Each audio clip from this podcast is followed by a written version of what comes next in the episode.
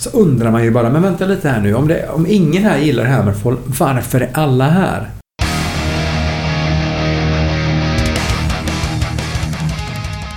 Du lyssnar på Rockpodden. Idag träffar vi Joakim Kans.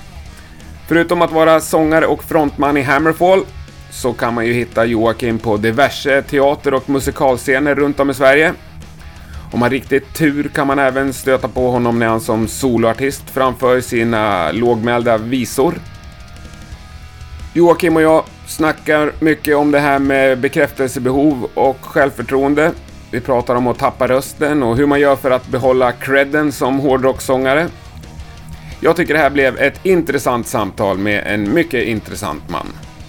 Det här är avsnitt 20 av Rockpodden. Jag heter Henke Branneryd och jag önskar dig en god lyssning. Då sitter vi på Lundagatan, ett stenkast bredvid Yngves gamla replokal. Mitt emot dagens gäst och det är med stor ära att presentera Joakim Kans. Hej! Välkommen till Rockpodden. Tack så jättemycket. Fantastiskt trevligt att se dig som gäst. Hur mår du då? Det är bra. Jag börjar dagen som jag brukar med att springa lite och eh, det är världens bästa... Eh, världens bästa sätt att vakna egentligen och få igång lite ämnesomsättning är att, att springa. Underbart. Ja. Hur långt springer du? Eh, idag sprang jag bara 8 kilometer faktiskt. Men jag brukar ligga... Åtminstone försöka ta milen varje gång jag springer. Nu springer jag inte varje morgon. Det orkar jag inte men... 2-3 mil i veckan i alla fall. Det är bra alltså. Jag tycker också det. Men vad gör du milen på? Eh, precis... Exakt, exakt säger jag. Eh, strax över 50 minuter. Ja, men det... Men det var på tävling.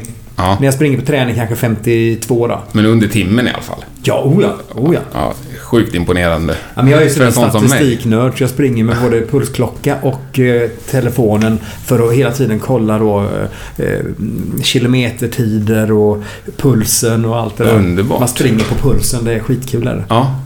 Har du musik också i pulstempo? Nej, jag har testat det någon gång men det blir så mycket konstig musik då. ja. Det finns ju någon eh, Spotify har Ja, någon ja, form av... Men du kan göra en egen lista. Nej, det är alldeles för jobbigt. Ja. Jag har ett par plattor som är sådär ultimat att springa till. Den ena är Queenstrikes platta, vad heter den? Den första med nya sångare, glöm bort vad han heter nu. Eh, den är perfekt tempo på och Ja. väldigt skön att springa till. Eh, idag sprang jag till Dissection. Mm. Gjorde jag? Tufft. Ja, ja. Det, jag kände att jag behövde mata lite. Ja. Trycka till, för jag har inte sprungit på, eh, på två veckor. Nej. Så att då behövde jag lite hjälp på traven.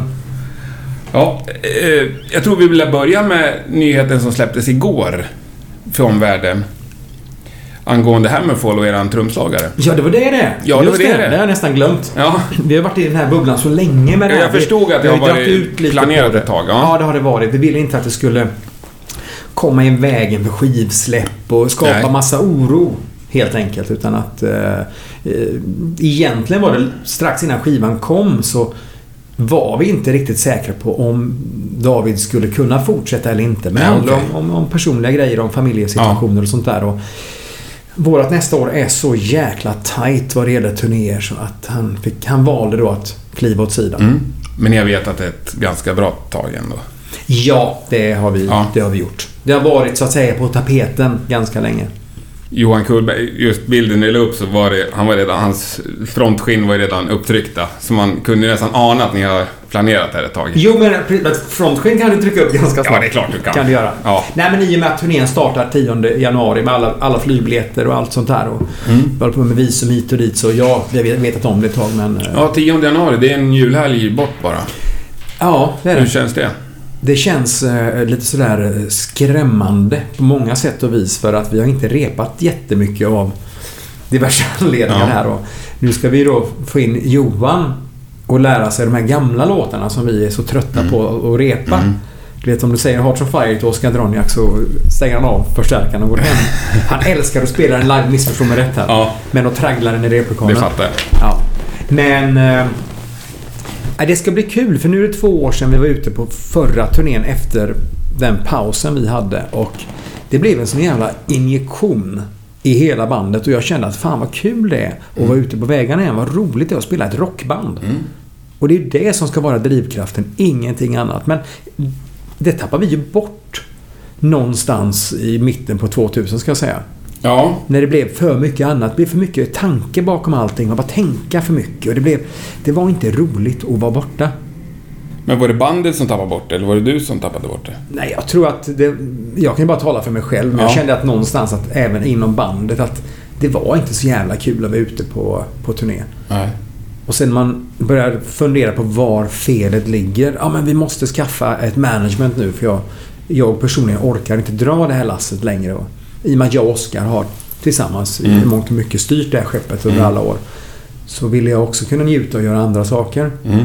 Men det innebar bara att det kom in någon som inte alls var speciellt insatt i eh, det vi gjorde och våra visioner och skulle börja ändra om efter deras eh, eh, visioner. Då satt man där och bara dubbelkolla allt istället. Och då fick jag ju dubbelt så mycket jobb Ja, det blir bara stress Ja. vad de gör. Ja. Och det slutade med efter andra managementet på i princip två år att de sa nej, nu måste vi ta en paus. Vi måste också bara sätta oss ner och reflektera lite på den resa vi har gjort under de här första, vad blir det, 14-15 åren. För det är när du sitter där och tar allting för givet. Och någonstans har man upplevt... Du har varit i, i de flesta länderna i, i, i hela världen men inte upplevt någonting. Man har varit i Rio de Janeiro Men det måste ni väl ha gjort? Nej. Ingenting? Mm, inte mycket, ska jag säga det. Inte mycket. För Jag får jag träffa som har den? Ja, men du kommer fram till ett nytt ställe efter. Du har giggat dagen innan. Du Ja. flyger någon konstig tid på dygnet. Oh, jag fattar. du kommer fram. Ska vi göra något? Bara, "Nej, jag måste sova. Mm. Du sover lite. "Äh, Jag går och badar vid poolen på hotellet. Så giggar du. Så dricker du lite bira och sådär. Och så är det sån här groundhog day Ja. på alltihop då. Men under det här breaket som vi hade, där bestämde jag mig för att nu måste... Det kanske också är lite på personligt plan det här att eh, som sångare har jag alltid varit så jävla nojig över min egen kapacitet. Att innan jag går på scenen så har jag alltid ifrågasatt mig själv om jag verkligen kan sjunga idag. Är rösten med mig? Kommer det fungera? Kommer det gå åt helvete? Du vet sådär. Och då hela tiden bearbeta det här mentalt. Då, nej, gör ni vad ni vill. Jag ska ta det lugnt idag. Jag måste spara rösten. Okej, men alltså...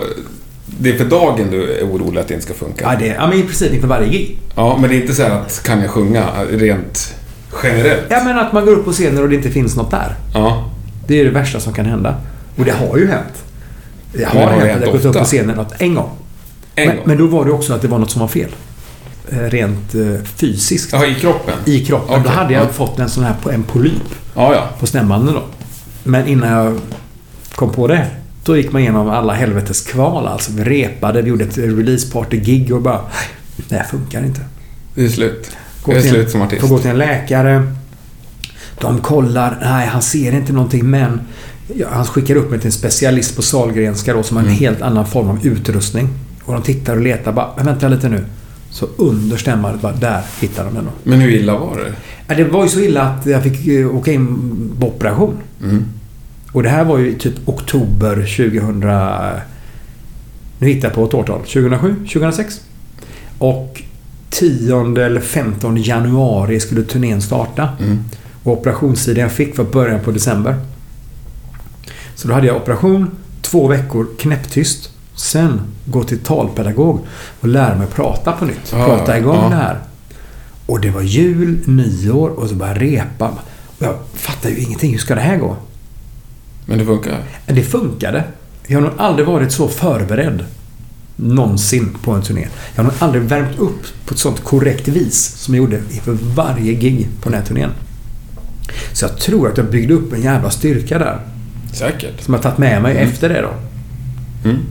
Men hur illa lät det då? Precis Nej, alltså, det in, ju- in, innan du visste vad felet var? Det var väl att när du började... Så undrar jag vad hände där? Jo, det var, fanns inget. Det var ett, ett ställe där det inte fanns någonting. Det tog stopp. Ja. Du, du ville ta det upp, men det fanns ingenting där. Men det är kanske lite så som vi vanliga upplever sjunga. Ja, men kanske. Men eh, det var att det spelar ingen roll hur mycket en tog i så fanns det inget. Nej. Det var borta. Otäckt. Ja, det var det. Speciellt när... Det är inte så att jag kan gå och byta stämband hos Nej, teknikern nej. utan att... eh, det är det som har förföljt mig i alla år egentligen. Det här med att som sångare så är du så jävla utlämnad Mm. hela tiden. Att du måste... Alltså du måste ta hand om dig. Du måste ta hand om din röst. Du måste ta hand om din kropp. Och du kan inte röka. Men röka är inte bra att göra i vilket fall som helst. Men du måste ta hand om lite. Men jag kan inte stänga festerna på turné. Inte varje i alla fall. Nej, det går ju inte. Nej. Så att man får vara lite den där tråkiga snubben stundtals. Men hur funkar det när ni åker på turné? Ses ni på Arlanda eller? Berätta om morgonen. Är 10 januari? 10 januari. Eh, nej men i och med att jag och Pontus bor ganska nära varandra, Ja. Pontus Norgren, så brukar vi alltid styra upp att vi delar taxi eller så ställer han bilen Men det är, det är så liksom? Ja, visst. Gör han. Eh, och när David var med då bodde han ju ty- typ granne med Pontus. Så att vi tre på något sätt sammanstrålade och åkte ut då. Ja. Alternativt om Davids farsa körde ut honom för att han ville ställa sin bil ut hos honom. ja. Och så åker vi. Och sen har man bestämt vem som tar med sig vad utav de här sakerna som vi har ja. eh, här och i Göteborg då. Så- Men det går en lastbil med, eller någon typ av fordon med utrustning? Ja, när vi ska ner Ja. i Europa nu ja. Och då utgår ju allting från Göteborg, för Mm. det är där vi har replokalen. Ja. Så att man packar sin väska med grejer som ska räcka i fyra och en halv vecka. Men repar ni i Göteborg fortfarande? Ja, det gör vi. Så nu när ni ska repa in nya trummisen, då blir det Då Göteborg? blir det Göteborg. Fast nu är det majoritet Stockholm på oss, men Ja. eh, det spelar ingen roll om ens eh, 90% stockholmare så skulle Oskar aldrig säga att det här skulle vara något annat än Göteborgsband. Man kan inte ens komma upp och repa några dagar i Stockholm? Nej, vi har ju replokalen i Göteborg. Ja, Jo. Nej, men det, det funkar bra. Vi har allting där och det är skönt att komma iväg, tycker Mm. Okej.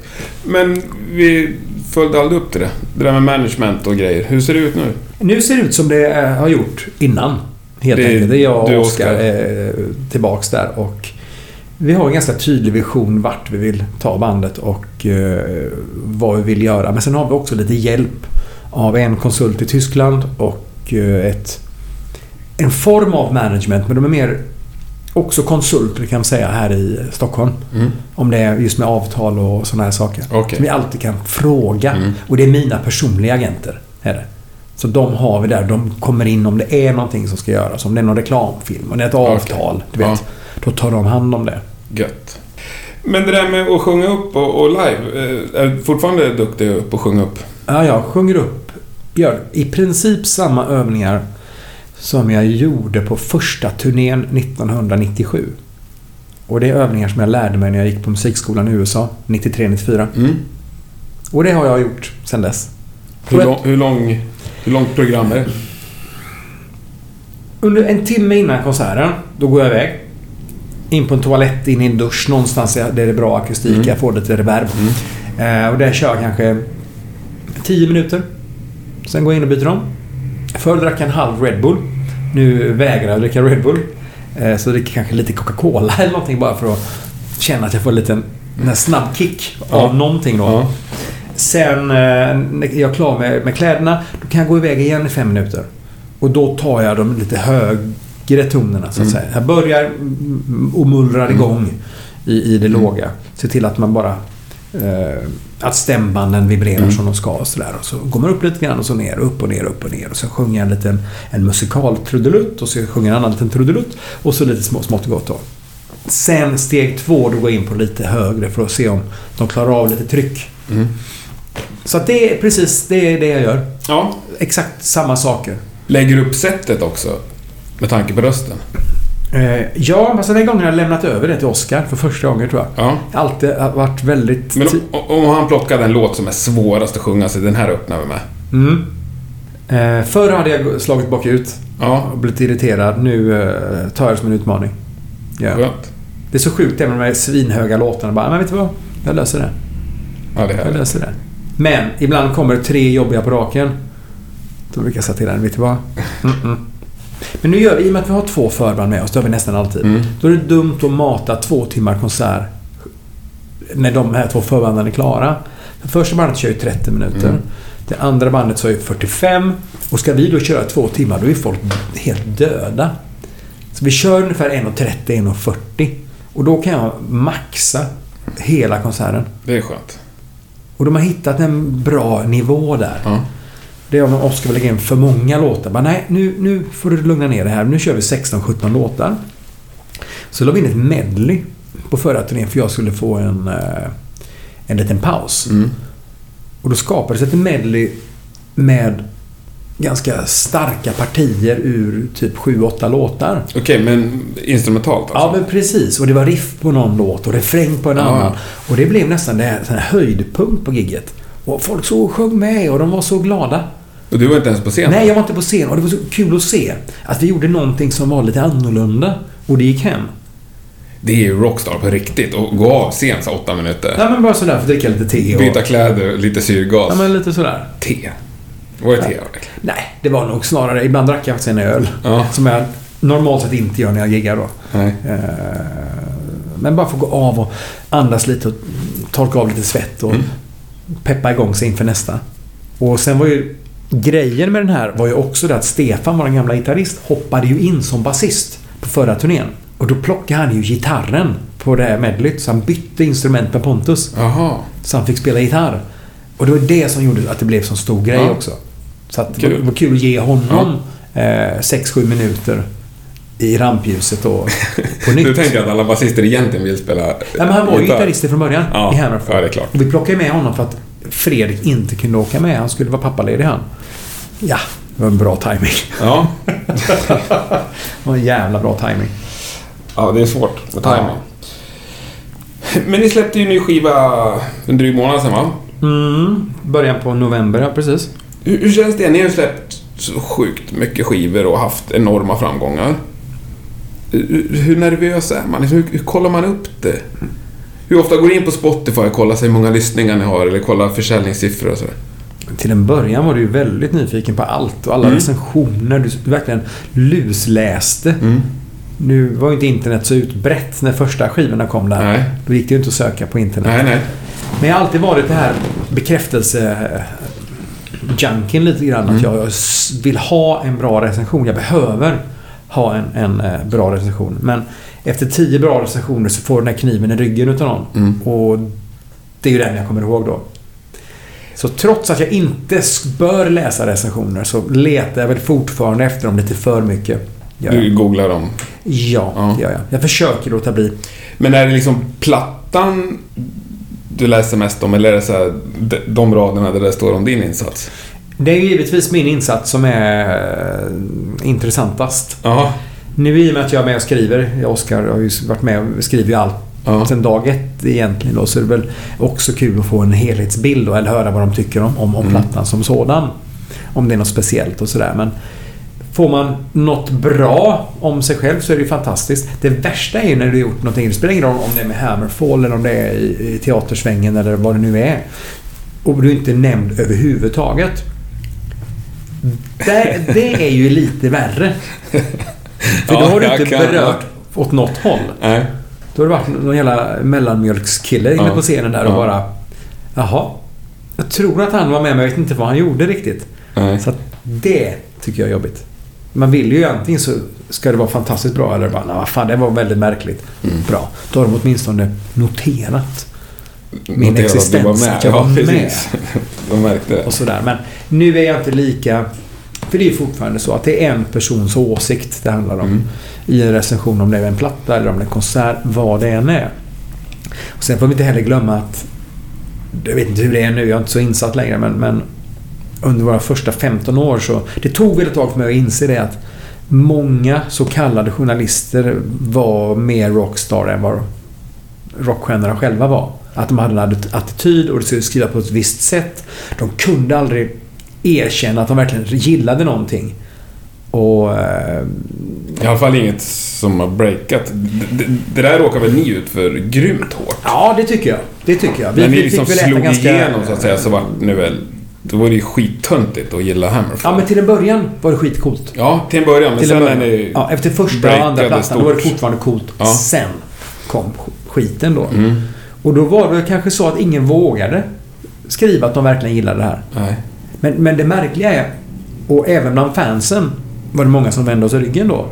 Men ändå sålde vi ju, som på tredjeplattan Renegade, mer skivor än vi någonsin har gjort. Varken före eller efter. Och ni hade folk på giggen och Ja. var inte så. Och även när vi kom till festivalerna Ja. så undrar man ju bara, men vänta lite här nu. Om, det, om ingen här gillar Hammerfall, varför är alla här? För det var väl kanske lite så att de vågade inte erkänna ens för varandra att de gillade Hammerfall. Men, ja, men ska vi gå och kolla lite? Ja, men vi går dit en sväng. Och, och så står de ändå och har väldigt kul och sjunger med. För det är ju en väldigt inbjudande typ av musik som vi spelar. Vi bjuder in fansen och står Ja. och sjunger med. Det är ju inte så att de bara ska stå där och, och, och, och, lyssna och vara eh, åskådare utan att de, de är en del utav det. Ja. Det kan ju vara en klyscha i sig att säga så men jag, jag tror för våran del så är det ganska uppenbart. Att ja, ni upplevs inte som introverta. nej. Nej. Och musiken är inte heller speciellt svår.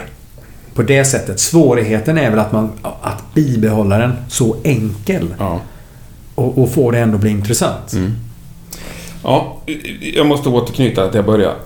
Men typ har du koll på idag hur mycket lyssningar öppningsspår på nya plattan? Nej, På ingen Spotify. aning. Ingen aning. Ingen aning. Du har det un- över under en halv miljon? Oj. Nej, ingen jävla aning. Under kanske? Har du kollat? Ja, jag kollade igår kväll. Ja. Hur mycket har du nu? Nej, men under en halv miljon. Ja. 200 000 någonstans. Ja, ja. Mm. Det är ändå 200-300 000 lyssningar. Ja, ja, ja. Det var det är inte, det var inte så Nej, jag har menade. ingen aning. Nej. Det är sådär, det, det är, folk lyssnar ju så konstigt idag på musik. Ja. Nu är vi ändå i en genre där många köper plattor. Ja. Och eh, inte... Jag blir så förbannad på Spotify för det är så otroligt mycket musik som inte finns. De säger att allt finns där. Nej du, säger jag. Det mesta jag vill lyssna på finns ju inte där. Är det så smal alltså? Nej, egentligen inte. Men det är väldigt mycket av det jag växte upp med. Det kan vara så här. Jag är smal på ett sätt att nu är jag ändå 46 bast. Det jag vill lyssna på hände under 80-talet. Mm. Mycket av det jag vill lyssna på. Men de här udda-plattorna som jag tycker var lite fräcka. De existerar inte där. Gör de inte. Och det kan att göra med att de spelades oftast in på något skivbolag som var väldigt eh, speciella. Med som nedlagt, vägrade släppa. nedlagt också sedan 30 år. Ja, något sånt. Bolaget, ja. Men fick jag för mig att jag skulle lyssna på Neil Young. Det var inte Mm. alls speciellt länge sedan. Det fanns det ingenting kvar. Allt var bortplockat. Jo, men det är ju några sådana gamla strävsamma Ja. artister som har gått emot och Ja, tagit bort sina grejer. precis. Eller inte lagt ut det. För hur hittar man ny musik idag? Det är mitt stora problem. Ja, hur gör du? Eh, igår på tåget ner från Mora, då satt jag och lyssnade på eh, typ senaste metal på Spotify. Det finns en sån där. Ja, ja, ja. Och jag började lyssna och bara klicka förbi, klicka förbi, klicka förbi, klicka förbi. Jag hittade inte någonting som var intressant. Vad fan har hänt med svänget i musik?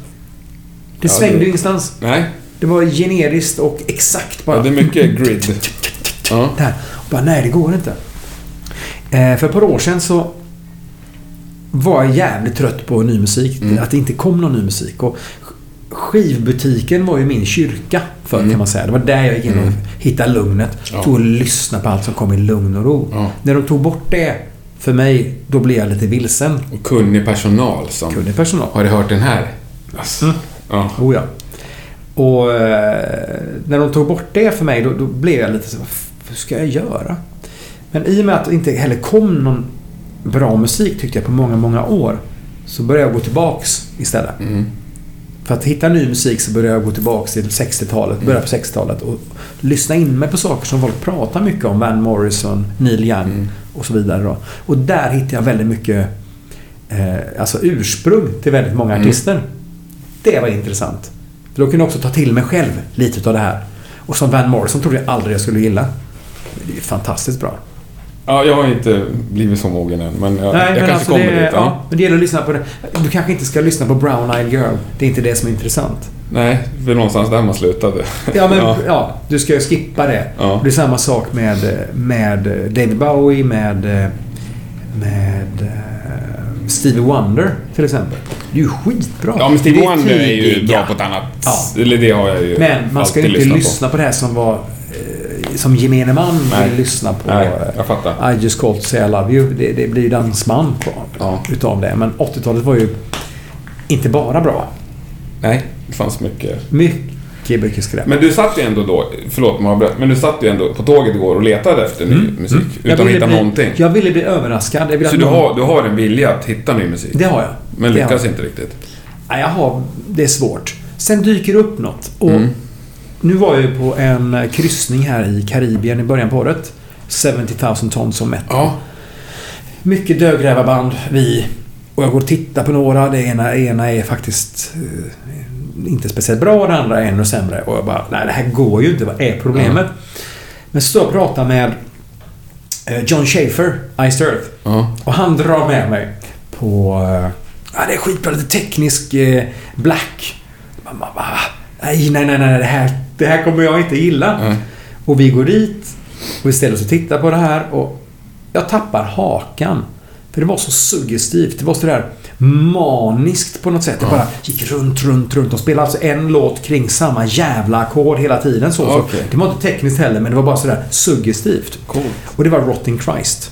Rotting Christ. Rotting Christ. Så där öppnades en dörr Ja, för mig. bra. Ska jag kolla Så där hittade jag musik. Ja. Så Rotting Christ lyssnar jag jättemycket på Mm. idag. Sen stack jag iväg och lyssnade på ett annat band som en, en god vän rekommenderade. Som jag inte alls förstod mig på när jag lyssnade på någon låt. Det var jättekonstigt. Mm. Eh, Skalmöld från Island. Okej. Sjunger på isländska, mer eh, folkmusik.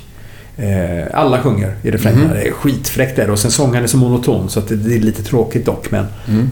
Skalmöld är jättebra. Så där hittade jag två nya band som jag har lyssnat på Mm. under året. Så om du tittar på min topp 5-lista på Spotify. Mm. Hur såg den ut? Den såg ut så här. Eh, då var det Skalmöld, nummer ett. Jag ska ta fram den. Ja, gör Jag det. ska göra det, för jag tyckte det var ganska intressant att... Jag kan ta fram min också här, för Mm. jag, nu ska jag passa på att ge ett tips. Ja. Ja, men vad kul. Eh, då ska vi se. Då har jag... Eh, nu kan inte jag uttala det här på isländska då, men Nidavellir med Skalmöld, nummer ett. Yes. Rise, 6 AM, två. Ja. För där har vi ett band då som jag upptäckte och blev helt frälst i. Mm. Helt. Det är sinnessjukt bra. Och det är väl kanske därför jag jobbar ihop med James Michael numera också. Han har ju faktiskt varit med på de tre senaste plattorna vi har gjort och proddat sången. Ja. Jag tycker han är ett geni. Sen har vi Demonon Vrosis, Rotting Christ, som nummer tre. Här kommer en låt. Och en artist och en genre som folk kommer att tappa hakan. Men The Next Episode, Dr. Dre, nummer fyra. Ja, nej, men det man får vara beredd. Sen kommer eh, Narfi, eller Narfi, Skalmöld. Hatet med Dunderbased. Dunderbased. Från Norge, sjunger på norska. Coolt. Fantastiskt bra. Så du ser, jag Ja. hittar ny musik. Ja, ja, men det är då är det oftast per rekommendation. Och Fredrik då, basisten i bandet, Mm. är väl den som kanske är lite mer nyfiken än vad jag är. Så han kan slänga in sån här, lyssna på Dunderbased. Mm. Bara, ja, det är ju fantastiskt. Sen har du 6 AM, 6 AM, Riot, Dunderbased, Skalmöld, Rotting Christ, Elvis Presley, Queenstrike. Björn Afzelius lyssnar jag jättemycket på. Men det har jag alltid gjort. Ja. Eh, När jag är ute och kör mina egna... eh, mer folkmusik, eh, kalla det trubadurkvällar, kalla det vad du vill. Då kör jag väldigt mycket Afzelius. Ja, Vreeswijk, Afzelius, Mm. Thåström och mycket eget då ifrån min den svenska plattan jag gjorde då. Och det gör jag med gitarr och nyckelharpa bara. Schysst. För du, det, det, en nyckelharpa kan skava på ett jävligt härligt sätt. Ja. Kan du göra. Jag måste få dra min här så Ja. återkommer jag till Ja. tips. Ja. Min etta är I'm a Ram. En låt med en snubbe som heter Ray Buchanan. Jag tror att det är 60-70-tal någon gång. Ja, okej. Men jag, jag upptäckte den i år och har lyssnat sönder den låten. Men tvåa, ett svenskt nytt band som heter Luftslott. Oj. En låt som heter Spaden till min grav. Jaha. Med luftslott. Okej. Fruktansvärt Då undrar jag ju sådär. Det kan ju vara i princip vad som helst genremässigt. Eh, stenhård rock. Okej. Hårdrock skulle nog de flesta kalla det. Är det, är det growl eller? Nej, det lite mer- skriksång. Okej. Luftslott, jag gillar ju namnet. Ja, Då blir man ju direkt intresserad. Mm. Det är, jag tycker det är skitbra. De kommer med en platta. De har släppt en platta, Ja. men de kommer med en platta ganska snart, nästa. Mm. Ja, då ska vi kolla. Ja, det tycker jag. Ja, men vad kul. Lite musiktips. Ja, men alltså... Jag, jag tror jag inte... Jag, jag är inte så svår som jag kan låta. Jag tror jag lyssnar på mer ny musik än, äh, än vad jag vågar erkänna här. Men Ja. det, det är faktiskt så här att det blir mycket hiphop. Ja. För att dottern, hon är 13 år och Ja. hon går i musikskola och sådär. Hon är väldigt inne på just hiphopen då. För att vi ska kunna tala samma språk lite grann. Då lyssnar jag på musik med henne. Det är schysst. Och kanske någonstans börja förstå lite mer vad hiphopen går ut på. Mm. Nu ska jag inte säga att jag är. Yeah. Alltså, vi kan inte i Sverige sjunga om samma saker som de gör i, i, eh, i Compton till exempel. Nej. Men jag blev väldigt tagen av den filmen jag såg, eh, Straight Outta Compton. Ja. Jävligt bra film. Ja. Och då förstod jag lite hela grejen. Jaha. Det är jävligt bra hiphop. det Den, är som... är det en skiva eller en låt med NWA? Ja, fan det är så Nu, hårt. det är skitbra är det Ja, det är verkligen. fruktansvärt bra. Så det blir mycket det. Men, det, det, ja, men musik förenar ju också. Det, det är ju lite så. Och det är Mm. ändå kul att man kan sitta med sin tonårsdotter och, och lyssna på samma musik. Mm. Lite grann. Hon lyssnar inte mycket på det jag, hårdrocken så att säga. Men jag tycker också det är ganska sunt att hon hittar sin egen identitet. Men lyssnar hon ens igenom med den nya skivan liksom? Nej. Nej. Hon var med i studion när vi hade lyssning i Mm. Los Angeles då. Satt hon med och lyssnade. Men förutom det så... Ja, men kan det inte vara så här att om jag frågar henne då säger hon nej. Nej, jag har inte hört den, säger hon. Men hon går säkert och smyglyssnar. Ja. Hon spelar säkert upp det för sina kompisar också. Det tror jag. Ja. Eh, någonstans är hon väl lite stolt över att jag gör det jag gör. ja, men det måste hon väl ändå vara? Jo, men det tror jag. Det tror jag. Det tror jag också. Det är lite coolt att ha en farsa som är rockstjärna. Ja, men lite så. Ja. Hon skulle väl aldrig erkänna det, men Nej, nej. Och det ska hon nog vara glad för. ja. Ja. Så på skolan kanske det är lite coolt att jag inte jobbar på Volvo. Ja. Det får man Ing- Inget ont om det. Men du, du var inne lite här på din avskalade solo karriär, eller vad ska vi Mm. det, det stickspår. Ja, det- ja, precis. det briserade väl lite där som en bomb nästan när du klev in i Melodifestivalen och körde vis, En låt som inte- vispop, eller Ja. vad ska vi kalla det? Ja, men alltså det var ju lite mer... Ja. Det klassisk svensk singer-songwriter, mm. vispopaktigt Mm. så. Eh, det var det. Men det var, jag kände att det var, jag ville göra det här för parallellt med mitt in, intresset för hårdrock. Vi får inte glömma att jag är från 11 års ålder varit totalt körd på heavy metal, så är det. Mm. Jag har min vinylsamling kvar. Det är allt jag äger och har som är något eh, saker då. Det är mina vinylskivor. Allt annat har jag gjort mig av med. Ja. Men parallellt då till eh, den här, min, eh, mitt samlande så lyssnar jag mycket på både Björn Afzelius, Cornelis Vreeswijk och senare då Thåström och en svensk artist som heter Magnus Johansson. Mm. Eh, för jag, jag gillar deras uttryck och jag gillar också det svenska språket. Mm. Och skulle jag göra en soloplatta till och det skulle bli en hårdrocksplatta. Det skulle låta som Hammerfall tror jag. Det skulle inte bli Ja, speciellt intressant. Nej. Men det var något lite... s- Det fanns något inom mig som jag, jag ville bearbeta vissa saker. Jag fick en fråga om jag ville skriva en bok. Nej, det vill jag absolut inte göra, så jag, för jag vill inte hänga ut folk hit och dit. Och jag känner att jag, mitt liv inte... Jag är inte färdig än. En bok är någonstans att... Är jag klar nu? Som Och, slutpunkt. och du måste väl leva ett liv innan du kan skriva din bok? Det är väldigt många som... Jag, det var någon som... Det beror i på vilken typ av bok, men... Ja, okej. men om Ja. det handlar om om det är biografier Ja. vi, vi talar om här så Mm. blir det lite märkligt. När man, är- vissa som är typ 20 bast släpper en bok. Bara, Mm. 20 bast? Du kommer inte, inte ihåg de första åtta åren av ditt liv i princip. Och allt annat är bara... Ja, Ja. och jag fattar. Nej, men jag känner mig inte alls speciellt pepp på det. Utan att däremot så är det saker att bearbeta. Och det gjorde jag. eh, Då bearbetade jag det i... eh, På den skivan istället, i de texterna. Så att det är ju en ganska mörk platta. Mm. Så, som jag som släppte ifrån mig. Och folk fattar nog inte riktigt vad det var. Tror jag. Folk blev chockade. Och speciellt på den låten, Melodifestivallåten. Mm. Som var en hyllningslåt till han Magnus Johansson. Var det. Som hade en låt som hette Vakna nu Anneli. Som kom början- ja, 1990 tror jag det var. Okej. Som var, eh, vände upp och ner på min tillvaro rent musikaliskt då. Så jag, bara, jag kände att jag ville göra en hyllning till honom. Men, men det gick väl sådär kan man säga, va? I, Alltså, så, så bra gick det väl inte ens en gång. Nej, Nej, jag kom sist i det gick åt deltävlingen. helvete då. Ja, det gick ju inte alls bra. Nej. Om du hade vunnit, liksom, hur, hur hade det gått då? Det kan jag inte svara på. Det sjuka är att förväntningarna var dagen innan finalen, eller deltävlingen, så Ja. sjönk mina odds drastiskt. För helt plötsligt var jag eh, segertippad. Är det sant? Ja, tidningarna skrev alltihop och oddsen rasade, du vet. Ja. Det var knappt du skulle få pengarna tillbaks. Men jag tror inte att det gick genom rutan heller. Jag tror folk... Va? Nej. Så här ska inte han sjunga. Nej, men lite så kanske. Mm. Men jag gjorde det för att jag själv ville Ja. göra det. Och jag... Alltså, mitt liv är inte längre eller kortare än någon annans liv. Det vet vi ju inte än i och för sig. Men jag vill fylla det med saker som gör mig glad. Mm. Som gör mig lycklig. Saker som tar mig framåt. Och det här behövde jag göra. De här sakerna behövde jag bearbeta för att jag skulle ta mig just framåt. Och jag gjorde det också i en tid när vi hade valt att ta en, en paus från bandet. Och för att jag skulle kunna bara rensa hjärnan så nej, jag måste göra det här. Men det är fortfarande de här låtarna som kom på plattan som jag åker runt och gör lite spelningar på. Mm.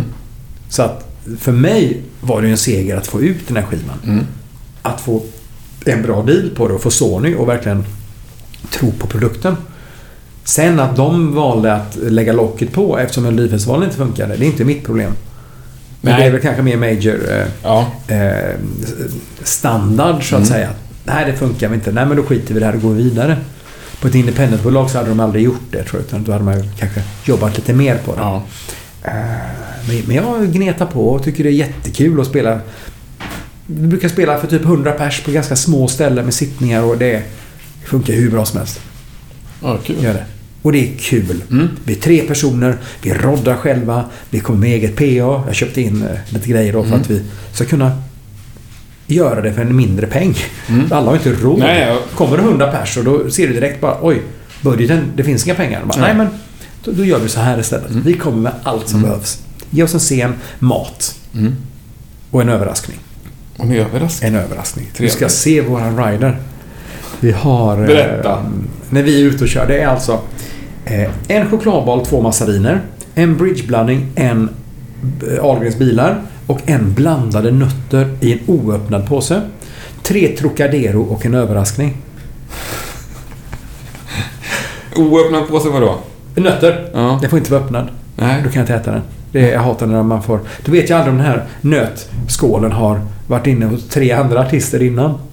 Eller stått i baren och någon har Okej, hostat på den. okej. Den ska vara oöppnad. Även med Hammerfall så har jag oöppnade oliver. Ska det vara. Ja, det är... Men det får inte vara Kanske. öppnat. Då får de ta tillbaka det igen. Ja, Vad schysst. Men överraskning, vad, vad roligt. Vad, vad brukar det... Vad, vad kan det vara? Ja, det har varit allt ifrån Kinderägg till en semla till... Du vet. Kinderägg. Oh, fy fan vad, oh, vad fantasilöst. Ja, vad är det då? Det, var, det är ju en överraskning. Ja, jo. Men det är ju... Ja. Det, det handlar väl lite om att jag vill få dem att läsa Ja. hela. Jag Och nu är den inte speciellt lång. Nej. Är den inte utan att. Men vi byter där då. Hammerfalls, förutom oöppnade oliver. Ja. I och med att jag inte äter eh, kött sedan tre år tillbaka så är den lite mer komplicerad. Och nu har jag väl blivit väldigt tydlig på den här, eh, den här gången och lagt till att ett, en det ska vara en lagad vegetarisk måltid. Mm. Och det innebär inte att om ni serverar kött med grönsaker och potatis så tar jag bort köttbiten och Nej. så är min måltid det som är kvar. Utan att nej, det måste finnas en, något protein Mm. av något slag. Mm. Så det måste vara en lagad vegetarisk måltid. Är det lördag så ska jag ha en flaska champagne. Och det, får in, och det ska vara ifrån distriktet Champagne i Frankrike. Inte ifrån distriktet Champagne i Ryssland eller något annat land. Men bara på lördagar. Bara på lördagar. Ja. Eh, något annat. Jag ska ha sojamjölk.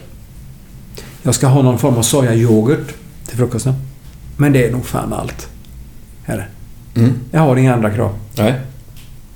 Har jag hotellrum så ska inte rummet ligga bredvid en hiss. Eller ett trapphus. Eller ovanpå en nattklubb. Men det... Där börjar vi snacka ändå lite så här divalater. Inte bredvid en hiss. Nej men alltså jag eh, sover Alltså nu väldigt... menar jag på ett skönt sätt. Jag tycker Ja. alldeles för lite sånt. Ja, men det här har att göra med att jag sover alldeles för lätt och har Ja. svårt att somna om jag hör. Och jag hamnar bredvid ett, en, eh, ett eh, trapphus i Frankrike på förra turnén. Och det bara det dånade, för på andra sidan trapphuset var hissen. Ja. Så varje gång hissen dum, dum, så det blir jättehögt i trapphuset och Ja. så dunkar i min vägg. Så håller på hela natten. Skönt. Att, ja. Men Men är, är, alla är hemma lika skötsamma som dig? Med en halv Coca-Cola?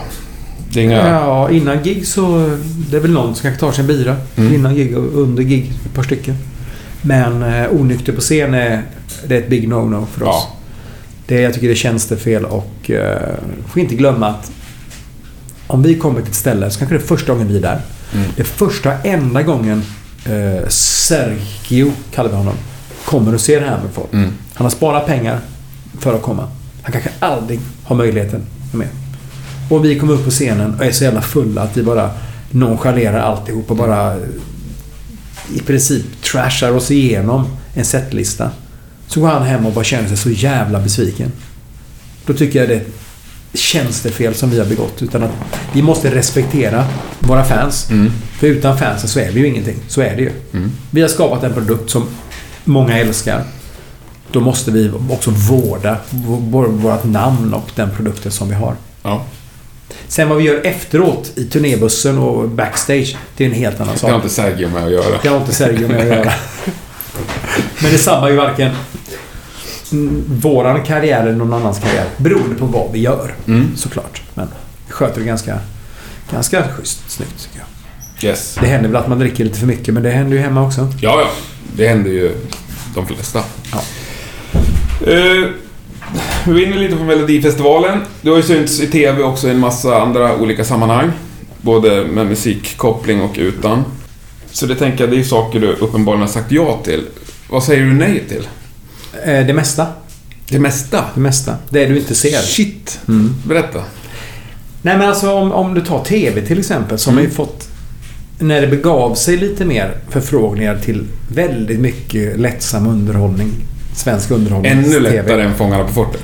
Ja, ska jag säga. Går det? Fortet var ändå en utmaning tyckte jag. Det är någonting som bara, fan vad kul. Och få, det är tävlingsmoment. Jag älskar det tävlingsmomentet. Ja. Men du får inte glömma att jag har tackat nej till de senaste fyra åren. Till Fångarna på fortet. För jag tycker att nu har jag ingenting att tillföra. Och jag tycker heller inte att programmet som sådant fyller någon funktion längre. Det fyllde en funktion under en, viss period. Då var det kul att vara med. Okej.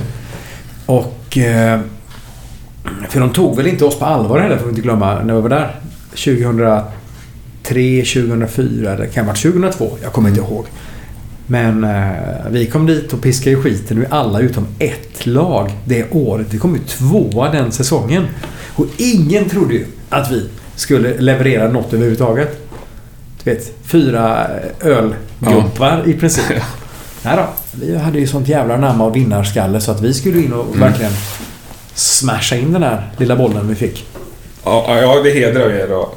Som Ja. ställde upp att ni gjorde ordentligt. Eh, Men men sen kommer det frågor. Alltså det, jag, kommer inte, jag kan inte nämna några namn för jag släpper ju det och går vidare. Jag Ja. frågar, vill du med på det här? Bara, nej. Varför inte? Jag tycker inte det är ett bra program. Men har du något stort som du vet att du har tackat nej till? Som du... nej, tänkt- men det är väl egentligen Så ska det låta, de här programmen som jag tackat nej till de senaste åren. Ja. Även Doobidoo, det är stora program. Mm. Men jag tycker ändå inte att jag har inget nytt att tillföra. Nej. Och då kan jag lika gärna vara utan då. Mm. Ja, men det är bra att synas. Ja, men jag eh, väljer då något annat. Jag ska vara med i Mm. något som heter Camping Queens nu i början på året med eh, Jonas Hallberg och... Jag glömmer alltid bort vad han heter. Let's Dance... Eh, jury, han engelsmannen. Åh, Tony Irving. Tony Irving. Förlåt Tony om du lyssnar på det här. Ja, men det är klart du inte Jag hoppas inte du lyssnar. Eh, Och jag vågar nästan inte säga att jag visste vad han nej, hette. Ja. eh, han och Jonas åker runt i en husbil och eh, hälsar på. Hos folk. okej. Det tycker jag. Men vad kul. Det gillar jag. Mhm. Då kommer de hem till mig i stugan uppe i Dalarna och vi eh, dricker lite champagne och vi käkar veganbullar och bara har kul. Ett, ett fint samtal. Ja. Det tycker jag är kul. Mm. Sådana grejer kan jag bjuda på. Men typ... Eh, så ska det låta. Ja, det är en helt annan sak. Skulle du tacka Det ja? är det. Eh, med största sannolikhet ja. Mm. Hade jag gjort. Beroende på vilka andra artister som var med. För jag, vill inte att, jag tror det var säsong två. Jag såg ju den första säsongen. Jag tyckte det var helt fantastiskt. Var det. Vilken leverans av Petra Mm. Marklund alltså. Mm. Jävlar. Och Jag gillar ju Lasse Berghage som person. Mm. Kommer väldigt bra överens med honom. Mm. eh, De få gångerna vi har träffats. Mm. Jag tyckte det var ett fint program. Sen kom det med artister som kanske hade tänkt lite för mycket på varför de var med. Att det var bara för att få snurr på karriären. Mm. Jag tycker att man ska väl kanske vara med och ha roligt. Och bara ha ett, ett trevligt samtal utan att öppna upp sig för mycket. Mm. Ibland kan det bli lite sådär lite kletigt och tårar, tårar hit och dit. Och, ja. Jag tror inte jag hade vågat, jag hade inte velat öppna, öppna upp nej, som, som vissa gör. Jag tycker att min integritet kanske är lite större än så. Mm. Kanske folk garvar när de hör att jag, jag integritet. Det finns ju folk som tycker att jag har noll cred kvar. Men vadå noll cred? För vad då? Vad spelar det för roll? Bara för att jag gör saker som gör mig glad och lycklig. Har jag noll cred? Ja, men i hårdrocksvärlden har du det. Ja, men snälla nån, har jag verkligen det? Har jag noll cred? Du vet. Nej, Den diskussionen. Nej det har du ju inte. Nej, för- Men, men alltså jag har ju hört det också och det är klart att jag fattar vad folk menar. Och det tänker jag att du också gör. Ja, men vad, vem har uppfunnit det där med, med cred? Nej, För det, det... det handlar mer om det vi har levererat också med Hammerfall. Mm. Vi fortfarande levererar de showerna som vi gör. Mm. Så då blir man så jävla irriterad på sånt där. Okej, då har jag väl ingen cred då. Jag tycker väl credden för mig är väl att men du ska väl göra det som gör dig själv lycklig. Är inte det vad eh, hårdrocksmentaliteten handlar om? Ska jag Jo, sitta hemma och vara skitnödig Men då? är det inte lite så här... Jag vet inte. Men vad- Jag vet att du är också är stort fan av Yngwie Malmsteen. Ja. Vill man inte ha han där lite på en piedestal liksom? Vill du se han i Doobidoo? Nej, men han har inte så mycket att tillföra i Doobidoo, tror jag. Nej. Det tror jag inte. Men på Doobidoo-turnén liksom. Ja, men... Kommer ut och kör ett gitarrsolo med Lasse Holm. Ja, en vacker dag så kanske han gör Ja, det. men man vill ju inte se det. Nej, men samtidigt så vill du höra de plattor han har släppt när han sjunger själv då? Nej, nej, nej. Och jag menar inte så, men jag, jag tänker att eh, det är skitfånigt egentligen med cred. Men samtidigt så fattar jag det. Själv, liksom. Mina, de jag gillar och Ja. att... Men de, vad, ska de, vad ska de fylla resten av sitt liv med då? De sitter och, du vet, och jobbar med skivan, spelar in den och åker på en liten turné. Sen har de åtta månader kvar på Ja. ett år. Vad fan ska de göra då? Nej, men det är ju det. Det är ju därför det är skönt att vara, vara fan just. Man behöver De ska inte göra någonting. Men vill du ha din artist som åker runt på turné efter turné. Det kommer färre och färre människor och tittar. Till slut står det 40 pers på klubben och kollar på din stora idol. När han står där. Nu, inga namn. Nu är det inte Yngve. Nu Nej. bara Ja. tar vi vem som helst Ja. här. Rösten finns inte kvar. Mm. Eh, kläderna sitter lite tight. Det, det finns ingen värdighet kvar i det de gör. Är det okej då? Vad är credden i det? Nej, är, inte när värdigheten försvinner kanske. och den gör ju det på så många. Ja. Väldigt många jag har sprungit på nu och bara "Ja, men snälla någon, är det inte bättre kanske att sluta i tid? Mm. Ska vi införa någon jävla någon rockstjärneförsäkring där någon kommer och knackar på dörren? Ursäkta, nu är det så att de här låtarna du skriver nu och den här plattan Ja. du tänker skriva, vi sätter stopp för det. För det kommer inte gynna dig, snarare tvärtom. Och det är för många som åker ut och mjölkar en karriär som inte riktigt har Ja. fungerat på väldigt, väldigt länge. Ja, ja, ja. Men det är väl ändå intressanta tankar där? Är det inte? Och du har ju umgåtts med dem, märker jag. Absolut. Ja. Absolut. Fast du bryr dig inte så mycket i det. Eller? Nej, men jag, jag... eh, Vi får väl se hur... Om man bara tittar inne i spåkulan här, Ja. 20 år framåt. Menar, jag, jag måste ju känna att det, det för oss framåt för att jag själv ska stå där om 20 år. Mm. Det måste finnas någonting där i... i nu pratar jag om Hammerfall Mm. såklart. Som gör att det blir intressant både för mig som person, som sångare i bandet och för fansen och för, för skivbolagen då, som vågar satsa på det. Mm. Så det inte slutar med att du hamnar på något eh, eh, Skog och Holmsbröd Records eller något sånt där litet undergroundbolag någonstans. och det är ingen som bryr sig. Och när budgeten inte finns, ja, men då ska du börja göra det helt och hållet själv. Och du vet, det linade gitarrer och det du Ja. vet, programmerade trummor och... Nej, det, känner inte, Nej. det, det måste vara värdigt. Det är tyvärr för många artister som... Det blir inte värdigt till slut. Tyvärr. Ja. Om eh, de kanske har credden kvar, vad vet jag. Men jag har alltid i hela mitt liv velat ha någonting att falla tillbaks på. Det kanske är därför. Och det har sina anledningar. Eh, som jag inte tänker gå in på här. Men att om Hammerfall, om, efter den här turnén. Mm. Det är bara ett platt fall. Det går inte. Det är ingen som bryr sig längre. Nu tror jag inte det kommer hända. Men vi säger att det gör det. Mm. Vad fan ska jag göra då? Och det är väldigt många som, den dagen telefonen inte ringer, när verkligheten kommer ikapp. Ja. Vad fan ska de göra då? Jag vill inte hamna där. Så jag har ganska många dörrar på glänt hela tiden. För att jag vill kunna hoppa på något annat. Jag Mm. älskar att spela teater, Mm. till exempel. Så nu gjorde jag eh, Rock of 80s-turnén. Mm. Eh, Och hade en hel del motkrav på att jag skulle göra den. Att jag gjorde Rock of Ages-musikalen, det gjorde jag ändå 150 föreställningar på ett och ett halvt år då. Mm. Men min roll var ju mer en talroll än en, en sångroll. Och det var det som var min utmaning. Du ville spela teater? nu? Ja. Mm. Och när jag gjorde Rock of 80s eh, då ville jag inte alls åka med och bara gå upp på scenen och bli en coversångare. För där finns det ju tusen, inte tusentals, men de, de flesta andra coversångare är väl bättre coversångare än vad jag är. Eh, skulle jag säga. För jag vill ha den andra utmaningen. Mm. Vi måste göra något som, så jag känner mig att, att jag är där av en anledning. Och det är att, ja men vad bra, jag vill ha mer talroll. Så då blev det så att jag och Per Andersson fick mer de här talrollerna i det här. Och givetvis sjöng jag massor av låtar. Men då var det inte bara därför jag var där. Och det var det, det, och det har väl att göra med att jag, jag ser andra möjligheter att när karriären med Hammerfall, när den tar slut, så ska det finnas något annat för mig att falla tillbaks på. Det bästa är att hitta en, para, alltså en bra eh, en jämvikt mellan andra saker och Hammerfall såklart. Mm. För jag skulle nog aldrig hoppa med ett annat band eller starta ett projekt idag. Nej. Jag får väldigt mycket förfrågningar på projekt hit och dit. Ja. Och det är alltid, ja vi har 18 sångare här. Jaha, nio låtar, 18 sångare och det är han och det är han och det är han och det är han och det är han. Bara, Jaha, men behöver du verkligen ha mig i det här också? Ja, men det blir jättebra. Så finns ingen budget.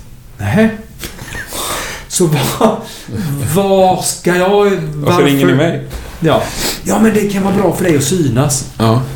Nah, jag vet inte, jag, jag har inte riktigt de ambitionerna här just nu. Jag, jag förstår att du behöver ha namn för att Mm. namedroppa men Mm. projekt idag är ju ganska ointressant. För att Mm. alla har väl under årets lopp skapat projekt och Mm. kidsen då, om vi får kalla dem för kidsen, ungdomarna då, de skiter fullständigt i om det är gamla sångaren i Black Sabbath och bas, gamla basisten i Hammerfall Mm. eller om det är jag eller vem det än är som är med i ett projekt.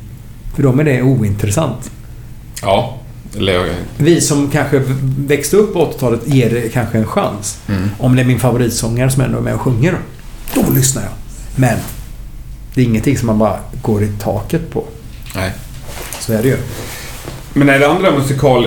Är det inget musikaliskt som känns roligt men att du ändå tackar nej till det för att det, du känner att du har ditt fyllt med musik? Inte av det som jag fått blivit tillfrågad. Det varit ett par grejer men det har inte funkat rent eh, tidmässigt. Nej. Och jag vill också... Jag, tills, tyvärr så fick jag tacka nej till Kai Hansens eh, platta. Uff. Fick jag göra. Ja. Eh, och det, det var lite jobbigt. Men han frågade mig en vecka innan det skulle vara mastrat och klart. Och han hade inte tid att ta emot mig i Tyskland. Jag skulle göra det själv här i Stockholm. Jaha. Och det kom en sån tid när jag bara, vet du vad? Då måste jag tyvärr tacka nej. Ja. Jag hinner inte. För jag ville nog att... För Kai Hansen är en sån stor idol och förebild och nära vän. Så jag ville inte lämna något åt slumpen. Jag ville göra något fattar. värdigt kände med inte. och för honom. Och kan jag inte göra det fullt ut så då tackar jag hellre nej då. Mm. En grym sångare också ju. Kaj ja. Ja. Det är ju det jag ser honom som Ja. också. Det är ju det bara, Kaj! Nu har väl han... Röst, han har väl Ja, misshandlat inte- rösten där genom åren. Så att det är inte så mycket kvar där. Men eh, alltså tidiga halloween-plattor Ja, jag alltså. Tycker också det är Ja. fruktansvärt bra. Ja. Så det var väl en sak då som, jag, som grämer mig lite grann att Ja. tacka nej till. Men man kan inte tacka ja till allt heller. Nej, allt funkar ju inte. Nej. Men du säger att han var en nära vän, beskrev du som. Ja, men alltså, han, alltså, vi har ju turnerat väldigt... Första turnén vi gjorde med Hammerfall var ju förvan till Gamma Ray. Mm. Han valde ju ut oss. Person, Mm. Han ville ha med Hammerfall. För han hade hört tejpen på första plattan. Coolt. Och han ville ha med oss. Mm. Sen var vi ju i Tyskland året efter och spelade in med honom. Vi gjorde I Want Out, gjorde duett med honom. Eh, vi springer på varandra lite här och där. Och det är alltid... Mm. Han betyder så jävla mycket för mig. Mm. Och jag tror någonstans att... Det, det är svårt alltså. Man, man träffar, jag har väldigt svårt att prata med mina stora idoler och se dem som vänner också. Eh, Det var precis dit jag ville komma Det blir faktiskt. Ja. lite sådär... Jag blir lite... ja, mm, för han är ändå Kai. Blir du lite blyg då? Jag blir lite blyg. Ja. Men så var jag när jag gjorde, alltså, var på teatern också. Jag delade ju loge med Johan Rheborg. Det var inte lätt. Nej. Där hade jag svårt, ska du veta. Men hur länge sitter det i? Ja, det sitter nog fortfarande i. Asså? Att jag träffar honom Så han tycker att du är en stiff snubbe? liksom? Nej, han tycker nog bara jag är lite märklig. Den här blyga, långhåriga killen? Nej, men lite så. Nej, men jag tycker att det, det, jag kanske förminskar mig själv och förstorar de andra. Det, det ligger nog mycket i det. Ja. Istället för att man bara ska... Fan, man är... Du är inte så dålig som du tror och de är inte så bra som, som du tror heller. ja, eller båda kan vara bra. Absolut. Absolut. Och vi har väl nått... Vi, vi sitter väl i den här logen på Kinateatern Mm. av en anledning. Mm. Att vi båda har lyckats i våra karriärer. ungefär samma anledning Ja. borde det vara. Men det, det är svårt ibland bara Ja. att tillåta sig själv att bara slappna av och... Ja, fan, det sitter ju Kenny Starfighter. Men när du är ute på turné så och springer på gamla barndomsidoler eller stora, Mm. blir du blyg också? Alltså? Ja, det kan jag bli. Ja. Det kan jag bli. Så är det riktigt att du ångrar efteråt? Men jag vill heller inte störa dem. Jag, det blir lite så här. Nu senast på Sweden Rock för två år sedan, eller inte nu i somras utan Mm. året innan. Då träffade jag ju Fish i Marillion. Mm. Och skulle prata med honom. Och då fick jag lite tunghäfta faktiskt. För det första hör, förstod jag inte vad han sa. För han pratade med någon jävla skotsk accent.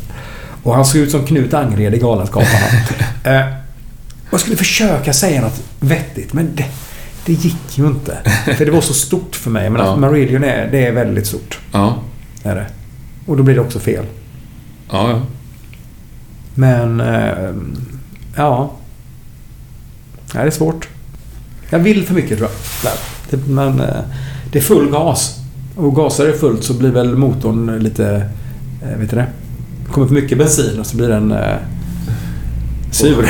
Ja, vad så, vad sa de? De här killarna som åkte moppe? Ja, nej, de hade ju ett ord för det där. Den drunkna. Nej. Ja, men den, blir sur tror jag. Motorn blir väl sur. Ja. Jag var aldrig någon motor... Nej, inte jag heller. Nej. Inte jag heller. Men hur mäter du framgång då? Apropå det där. Jag mäter Om du framgång. tänker att Johan Rheborg är mer framgångsrik än dig. Ja, men det är han ju. Går inte att jämföra. Men jag... Alltså min marknad är ju... Ja, så kan man väl inte säga. Nej, det, jo. Nej. en tysk hårdrockare så jag tror att han tycker att du är jag ganska mycket större. Det, det var dit jag tänkte komma. I och med att min marknad är så mycket mer än bara Sverige. Sverige är en, en liten del utav en Mm. jävligt stor kaka. Mm. Medan deras kaka då, många, är bara här i Sverige. Mm. Så det går ju inte att mäta. Du kan Nej, men hur mäter du, alltså på något sätt? När tycker du att du har lyckats med någonting? Är det en bra recension eller är det en miljon sålda album? Ja, jag, för mig, jag försöker väl mäta framgång i tid lite grann. Att om har, hur länge man har kunnat leva på sin dröm lite grann. För nu är vi Mm. på 20 år med Hammerfall Mm. och det är ingenting man bara viftar bort i en handvändning. Och vi har fått mycket cred för det också nu utanför Sverige. Det var någon eh, dokumentärfilmare i Kanada, vad han nu heter, som gjorde. Och då satt de och pratade om Hammerfall och det var ju tyska journalister, det var alla möjliga bara. Men vi måste, får inte glömma att det var Hammerfall som var där och öppnade dörren för återtåget. Någonting som man kanske inte har vågat tänka själv eller ens beröra för man vill inte framstå som för eh, ego och dryg utan att det var så skönt att få den bekräftelsen. Alltså, man kan mäta det på många olika sätt men om man börjar diskutera med pengar, det är ju en sak men eh, One Hit Wonder har tjänat bra mycket pengar än vad jag har gjort på mina 20 år. Mm.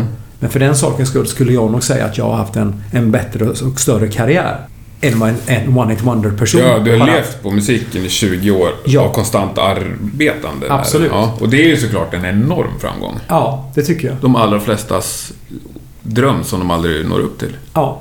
Och om du frågar gemene man här och du, om du namedroppar lite, Mm. lite, lite band, bandnamn då. Mm. Så kommer Hammerfall som vänta lite, men det känner jag ju till. Så folk känner ju till det i Sverige. Och det är väl också en ganska stor framgång att du har lyckats etablera namnet. Att om någon säger ett svenskt hårdrocksband, uh, Hammerfall. Hos gemene man Ja. då. Inte hos de inbitna, för de är mer, de har ju full koll. Ja, ja, självklart. Nej, jag tror i ett tidigare avsnitt av den här podden så snackade jag med eh, Johan Blarre Hargeby. Mm, mm. Då tror jag att vi nämnde det, att det är kanske så här, gemene man, de här som lyssnar på radio på vägen till jobbet. Mm. De kan nämna typ Metallica och Hammerfall. Ja. För vi var ju ändå där i en tid, början på 2000-talet, när, det- när vi slog igenom. Och då slog vi igenom så jävla brett. Mm. Just när hårdrocken kom tillbaks igen. Att vi var etta på den här video eh, Voxpop hette det Mm. på SVT då. Eh, tre veckor på raken. Årets video. Det var bara pang, pang, pang, pang, pang. Och det hände då eh, utanför där vi normalt sett skulle husera. Mm. Utanför eh, heavy metal och hårdrockskretsarna. Mm. Utan det var i mainstream. Och det var därför också det blev sånt jävla liv på många. Att vi hade sålt oss och det var kommersiellt. Och... Men kommersiellt är ju ingenting du bestämmer själv. Det kan du ju inte göra. Jag kan ju inte ringa till SVT och säga, vet ni vad? Plocka bort våra videor från Voxpop. Så att, ja, ska du hålla det smalt, ja men då får du väl släppa det på ett litet pyttebolag då. Mm. Men Nuclear Blast var ju inte ett sånt jättestort bolag när vi signade med dem. Nej, nej. Långt ifrån. Och deras andra artister var inte att melodiösa. beteckna som mainstream. Nej, Eller kommersiella. precis. Nej. Så att det, det är ingenting du styr över själv och samtidigt så givetvis så vill man väl att det ska sälja på bra så du kan leva på Ja. det. Så du kan åka ut på turné. Så du kan göra bra produktioner. Mm. Vi har ändå plöjt in så sjukt mycket pengar i bra produktioner. Mm. Det gör vi fortfarande. För vi vill att, i och med att det mesta låter väldigt generiskt och eh, likt idag. Mm. Man använder samma trumpluggar och det är gitarrljuden är exakt likadant. Vad kan du göra som skiljer dig från mängden? Jo, du kan göra det personligt. Pyro. Pyro, fast inte på plattorna. Nej. Men just i studion, att du har tid och råd att jobba lite mer Ja. på, på varje detalj då. Och pyro har inte vi använt på ganska länge nu. Men ni har en ordentlig produktion live? Ja, det har vi. Ja. Ingen pyro? Ingen pyro. Vet när vi började första turnén, 98, första headline, Mm. då hade vi pyro. Ganska lite pyro, vi hade inte råd med så mycket, men vi hade pyro. Ingen annan hade pyro. Sen gick det ett par år. Vi esk- våran pyro eskalerade blev mer och mer och mer. Det var, vi brann på scengolv, vi hade en, en handske och sköt raketer över folk. Det, det var riktigt fräckt var det här. Då hade alla pyro. Och då började vi backa lite. Och 2011, tror jag det var, den turnén, då hade vi ingen pyro överhuvudtaget. Och sen dess har inte vi haft någon pyro. Speciella ut, välvalda tillfällen har vi haft det då. Eh, Men i övrigt så bara, nej, alla andra har det. Så att det kommer det smäller lite eldar, då känner folk, ha. Men vad har ni nu då istället? Eh, vi bygger ju giggen på, på, alltså på låtar och på energi. På en bra leverans. För jag tycker ändå att Hammerfall, trots att vi är 40 plus, så finns en ungdomlig eh, hunger i det vi Mm. gör. Vi har mycket trappor, vi har backdrops, side-drops. Eh, vi bygger det som 80-talet var. Lite mer. Ja, men det är lite så med trappor i alla fall. Det, Ja. det är inte bara ett plant scengolv och en Marshallstack. Nej, nej. Vi försöker... eh, Vi hade ju på en turné, då hade vi Marshall-vägg. Och då slog vi världsrekord i Marshall-vägg. När vi spelade på Getaway. Ja, det var inget fel om Nej, nej. Marshallvägg här. Nej, utan- nej. Men vi slog världsrekord i Marshall-vägg. Världsrekord? Mm. gjorde vi. Hade största Marshall-väggen någonsin. Det måste ha varit fruktansvärt stort. Ja, det var ganska många. var det. Ja, det var 84 eller 90 stycken Marshall. Hur många var inkopplade? Eh, två. Och de syntes inte ens. Nej. Nej, du kan inte koppla in någon. Alltså, det, det går ju inte. Nej, Du inte alla ramlar ju av scenen där. Men ett gäng. Ja, men vad roligt. Ja, men vi fastnar lite på det här med bekräftelse. Eller jag vet inte om... Du kanske svarar bara att jag inte uppfattar det. Alltså vems bekräftelse är det du är ute efter? Eller det är lite samma som det här med hur mäter du framgång. Men du sa ju också inledningsvis att det var typ bekräftelse sucker, eller hur Ja, men lite du junkie så på det. Ja, men du. absolut. Men det är väl därför man... man Men vems bekräftelse är det du vill ha? Till en början så söker man väl egentligen... Man vill att alla ska gilla det man gör. Att man... Eh, det är därför inte du kan ta ett, en, en dålig recension till exempel. Att det tar så jävla illa, det tar så hårt. Ja. Eh, Men någonstans på vägen så inser du att du kan inte vara alla till lags. Däremot så är det kul om du kan beröra de som lyssnar. Antingen att de tycker att det är bra eller så tycker de inte att det är bra, att de tycker att det är dåligt. Ja. Men då är det åtminstone, de har gett en chans och du har berört åt endera håll. har framkallat en känsla. Ja. Men det värsta är ju som, som jag sa där att när du läser en lång jävla recension och Mm. du är inte ens nämnd. Mm. Då har du inte berört. Nej. Då är det liksom att du är där men det är ingen som ser dig. Men är det, ändå så, det är liksom allmänhetens bekräftelse. Ja, men visst är det så. Jag har precis kommit eh, efter, jag har gjort en Ja, julshow inte. uppe i Mora här i fem helger. Ja. Och eh, när du, går, när du går upp på scenen och du känner att fan, det fäster inte. Du får inte den bekräftelse från, från publiken som du vill ha. Applåder och garv på rätt ställen. Mm. Det, det, det, det tar, gör det. Jag vill att folk som kommer och ser att de ska tycka att det är bra. Att alla ska tycka att det är bra. Jo, men då sitter ju den publiken där Ja. och har ju köpt biljett för att gå dit och kolla. Då Precis. fattar jag att det är den, deras... Ja, men Det är de, lite deras de skull kanske inte tycker det. att det är bra heller. Men om du spelar in en låt så är ju det mer... Det är som att släppa ut den på ett öppet hav. Mm. Det är ju inte en sittande teaterpublik sådär. Mm. Men du tänker att du bara släpper ut den till allmänheten, så är det deras bekräftelse. Ja, men det är väl lite så. Men alltså bekräftelse hit och dit. Man vill ju... Nej, vet jag. Du kanske har spelat upp det för frun hemma. Om hon tycker att det är bra, då räcker det. Eller att du har Hon är jäv. någon, någon gammal Så- polare. Ja, men... Ja, men visst är det så. Mm. Visst är det så. Och jag tror det har lite med eh, att man kommer till insikt också. Man blir lite äldre. Att Mm. Du kan inte vara alla till lags. Nej. Du kan inte få alla att gilla en produkt. För då blir den också ganska urvattnad skulle jag säga. Ja. Så, så är det. Utan att i grund och botten så måste du nog tillfredsställa dig själv först. Mm. Och, det, och går vi tillbaks till våran debutplatta, Glory to the Brave, får vi inte glömma att där handlar det bara om att tillfredsställa oss själva. Mm. Vi gjorde en platta som var helt fel. Det var, det var fel på alla sätt och vis, men blev så jävla rätt. Vi hade ingen budget. Vi hade inget skivbolag i princip. Vi hade ett pyttelitet holländskt skivbolag. Vi skulle inte få några pengar. Royal, alltså det var sämsta kontrakt man kan tänka sig. Ja. Det var så dåligt. Men det handlar inte om det för oss. Vi ville bara få spela in. Alltså det, alltså det var en dröm. En heavy metal-platta. Mm. Som skulle släppas 1997. Där folk sa till oss Varför spelar ni inte ny musik som folk vill höra? För vi spelar musik som vi vill spela. Och det är väl därför man har fått så mycket skit också genom åren. Att, för att det varit som, hallå? När det väl slår igenom. Ja, sen öppnar ni ju upp och sen exploderar det med power metal eller vad jag ska kalla det. Ja, det var ju inte sunt heller. Det som hände runt 2000. Nej. Det tyckte jag var jättejobbigt. Det kom så mycket konstiga band och jag förstår att folk... Att det skulle komma någon form av motreaktion på det här. Ja. Såklart. Men det var ju väldigt mycket märkliga band som kom där. Alla bolag ville ha sitt eget Hammerfall. Det var ju det Ja. så snacket gick. Ja. Var det. Men så blir det väl när någonting blir stort. Så Ja, är det med det så. allt, tänker jag. Visst är det så. Då kommer ju lite, det kommer lite Då kopior måste ju och där. ni och- kunna sitta och vara lite stolta. Absolut. Problemet var att många band som, som kom där fick frågan "Jaha, hur låter ni då? Ja, vi låter som Gamma Ray. Så lyssnar man. Då lät de ju precis exakt som Gamma Ray fast en väldigt dålig variant Mm. utav det. Att de hade liksom inget eget att tillföra. Vi hade ingen press på oss. Vi, hade, vi bara skrev det som vi, vi Mm. kände för. Och det är väl därför kanske det tog fart. Mm. Det kändes så, så äkta. Och det var ju också äkta på ett sånt sätt att det var lite demovarning på det. Men vi lyckades, alltså med Fredrik Nordström som producerar första och andra plattan, Ja. skapa... Alltså, eh, han var ju rena rama trollkarlen. Ja. Att på 40 000 spänn hade vi budget på första skivan. 40 000. Det kommer du inte långt med. Och det här är också på en tid då där man var tvungen att betala i en studio för att Ja, kunna ja. spela in. Ja. Och sen banden, rullbanden, hade vi inte ens råd att köpa. Så vi hyrde dem. Och sen raderade han.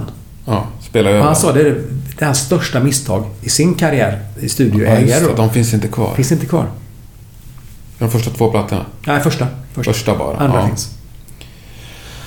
Ja, det är tragiskt. Mycket Men det tragiskt. finns mycket runt om på gamla rullband som är överspelat. Ja. Många, många gånger. Men det är också, är det, inte, det skapar också en ganska bra story. Gör det inte det? En liten Verkligen. myt i det hela. Att det, Ja. fin- det enda... Det, det som du har på den här skivan, så här kommer det alltid låta. För det går inte att göra några Nej. förändringar. Vi kan inte remixa. Man kan remastera lite. Remaster det, kan vi göra, men det ger inte samma effekt. Nej, Så det gör det inte. Ja. Nu ser man vad, vad eh, spelglädje och passion kan göra. Man Ja. kommer in i studion av rätt anledning. Ja. Har vi någon tid att passa? Jag ska på nästa ställe klockan ett. 12.33. Hur långt tar det till nästa? Hur långt bort är det? Eh, Sankt Eriksplan. Ja, men då måste vi typ runda av. Jag tror nästan det. Vi kör, får jag köra några snabba? Ja, men gör det, Jag har gör det. Några som har... Dels en grej som jag tyckte var så rolig bara. Tänk så att du är ändå kändis. Du brukar kolla på Flashback. Det tycker jag är roligt. Då fanns det en, en Flashback-tråd som hette Joakim Kahns. Jaha, kans. Joakim Kans, just det. Joakim Kans, eh, en av Sveriges bästa hårdrockssångare. Ge mig lite skvaller hette tråden. Ja, Den var startad 2008. Inte ett inlägg efter det. Så det fanns ingen skvaller om dig. men vad härligt. Ja, det var underbart. Eh, Men, vem är den mest musikaliska personen att spela med? Som jag har spelat med. Och jäklar. Alltså jag har inte spelat med så många än, än bara i, i Hammerfall, måste jag ju säga. Det är ju det som har varit mitt, Mm. mitt stora band. Sen har jag haft lite annat smått och gott. Sen spelar jag med... Eh, det är ganska schysst att spela med folkmusiker måste jag säga. Jag har ju spelat med en, eh, en riksspelman. Eh, han är världsmästare, trefaldig världsmästare i precisionsspel på nyckelharpa. Oj. Och han plockar upp en fiol och lär sig det ganska snabbt att spela. Ja. Eh, Det måste jag säga, han är ju fantastiskt musikalisk. Ja. Annat James Michael skulle jag säga. 6AM-sångaren, Jaha, producenten och låtskrivaren. ja Okej. Det var ju därför jag ville jobba ihop med honom när jag insåg att här har vi killen som har producerat debutplattan då, The Heroin Diaries. Producerat, skrivit alla låtarna. Han sjunger på plattan. Och det är han som spelar varenda jävla instrument på plattan. Det krävs Ja. musikalitet. Absolut. Så att där har vi en person jag verkligen ser upp till. Mm. Och som jag funkar ganska bra med. Vi har, med honom är jag lite mer på samma nivå. Vi kan prata lite så här. Ja. Då blir Där får du ingen li- tunghäfta. jag blir inte lika störd. Nej. Men jag träffar Nicky Six, blir det blir lite svårare. Ja. Var det. Hej. Tjena. Jag tycker det är lite charmigt ändå. Ja. Man... Eh, men det är väl ett bevis också att man... Men du måste Om vi återknyter till det där. Du måste ju ha träffat någon som har kommit fram till dig och sagt Ja, fan jag har hört den nya plattan, den är ju svinbra. Ja, oh ja. Blir ju då också, alltså någon lite större? Nej, men då blir jag ju... Typ Nicky Six, om han säger det till dig. Får en tunghäfta då också? Ja, det hade jag nog antagligen fått. Ja. Men jag tror inte han vet vilka vi är egentligen, men det gör han säkert. Men, eh, eh, det är många av mina gamla eh, favoritband från 80-talet, då, som Riot till exempel, Mm. Vicious Rumors och de här. Mm. De har hört av sig. De är ju jättefan av det vi håller på med. Ja. Och då blir man lite sådär. Det betyder ju mer för mig än om Nicky Six skulle säga det. För Riot till exempel är ju så... och Det är husgudar. Ja. Och de, frå- de bad ju mig... De frågade mig för, förra året om jag ville sjunga på plattan då. Efter Mark Reale dog Ja. så skulle de göra en ny platta. Eh, men alltså jag har tyvärr inte tid att göra det. Eh, så de hittade en annan sångare, spelade in plattan och när jag hörde plattan då mejlade jag dem och sa vet ni vad? Jag är så glad att jag inte sjöng på den här skivan. För då hade det inte blivit så lika bra som det blev nu. Härligt. Så att då var jag glad att jag Ja. inte hade tid att göra det. Mm. Men jag var jävligt stolt över att de frågade mig. Mm. Det var Det samma förstår jag. sak med ett amerikanskt band som heter Warlord. Som Mm. jag också växte upp med då, som jag gjorde debut, comeback-plattan med. Mm. Det blev inte speciellt bra, men det är ändå kul att få lära känna de här och spela in en platta med dem och sådär. Och ingen som vet vilka Warlord är. Nej, det har Nej. gått mig förbi Men för mig också. är det stort. Och det räcker väl, Ja, ja. egentligen. Att Ja. jag vet. Att Ja. den känslan jag får, stoltheten så. Ja, ja underbart.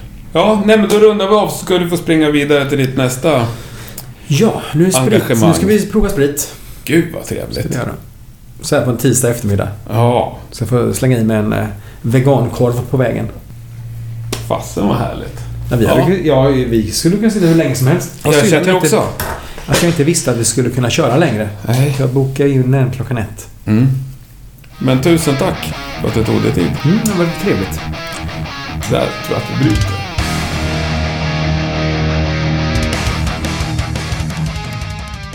Det var avsnitt 20 av Rockpodden. Tusen tack för att du har lyssnat. Jag ska också passa på att tacka alla som har lyssnat på dessa 20 avsnitt. För det har varit väldigt många fler än vad jag någonsin kunde drömma om. Och jag tycker det är alldeles fantastiskt roligt. Det tänkte jag fira genom att ha en liten paus inför avsnitt 21. Det kan dröja någon vecka innan det dyker upp. Så du får helt enkelt ge dig till tåls eller kanske gå tillbaks och lyssna på något av de gamla avsnitten som du har missat. Vem som är gäst i avsnitt 21 tänker jag inte avslöja. Men jag kan säga att det kommer bli väldigt, väldigt spännande även då. Jag hoppas att du mår gott tills vi hörs igen, när det nu blir. Men jag ska göra mitt bästa för att det inte ska dröja allt för länge. Ha det gott, tack och hej. Vad har ni för sprit på gång? Eh, lite olika. Det är en whisky till. Mm. Är det. Jag har två. Vi har släppt två. ja. Tog ni det där med personliga grejer? Nej, det har vi inte tagit. Har du berättat det för Ja. Joakim? Ja. Han har med sig. Ja. Då har han med sig. Hinner vi göra det? Ja. Gå hem. Gå hem. Jag får nästan betala taxi jag måste också hinna. Ska få... Det här är jävligt underground. Ska jag förbereda så här i. Ja, men gör det. vore jättebra. Ja. Patrik Arve, vet du det? Ja. Det är från hans otroligt obskyra punkband, Krösus. Det är deras t-shirt. Okej. Fantastiskt skön person. Tack. Han. Ja. Krösus. Ja, men det blir ju vilken, vilken sjuk tröja. Nej, jag har med mig en... eh, Jag ska hämta.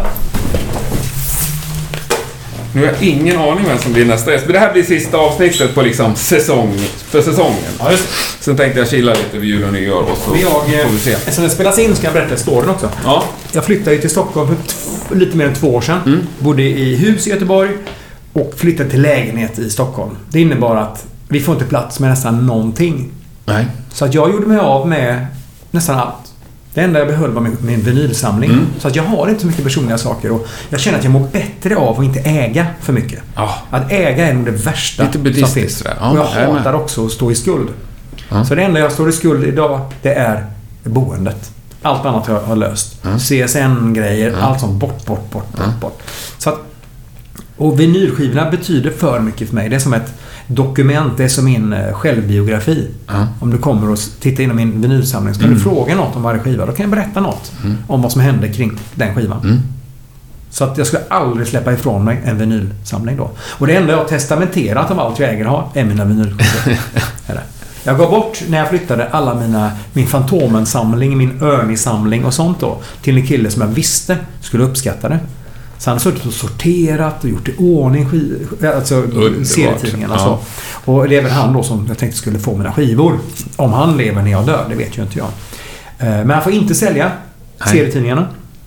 Gör han det, då måste han donera pengarna till välgörenhet. Det finns lite hakar då. Underbart. Så Ja, en, det- jag tog med mig en flaska vin. En Shit, flaska vad trevligt. Hammerfall-vin Är det sant? är det. Fan det var det första vi gjorde i, eh, i eh, alkoholsammanhang då. Underbart. Och den här finns ju inte att få tag på längre. Kan den lagras? Den kan lagras. Det är det som är grejen. Så jag vet vad jag ska Ja. instruera nästa Och det här är gäst. 2011, en Barbera.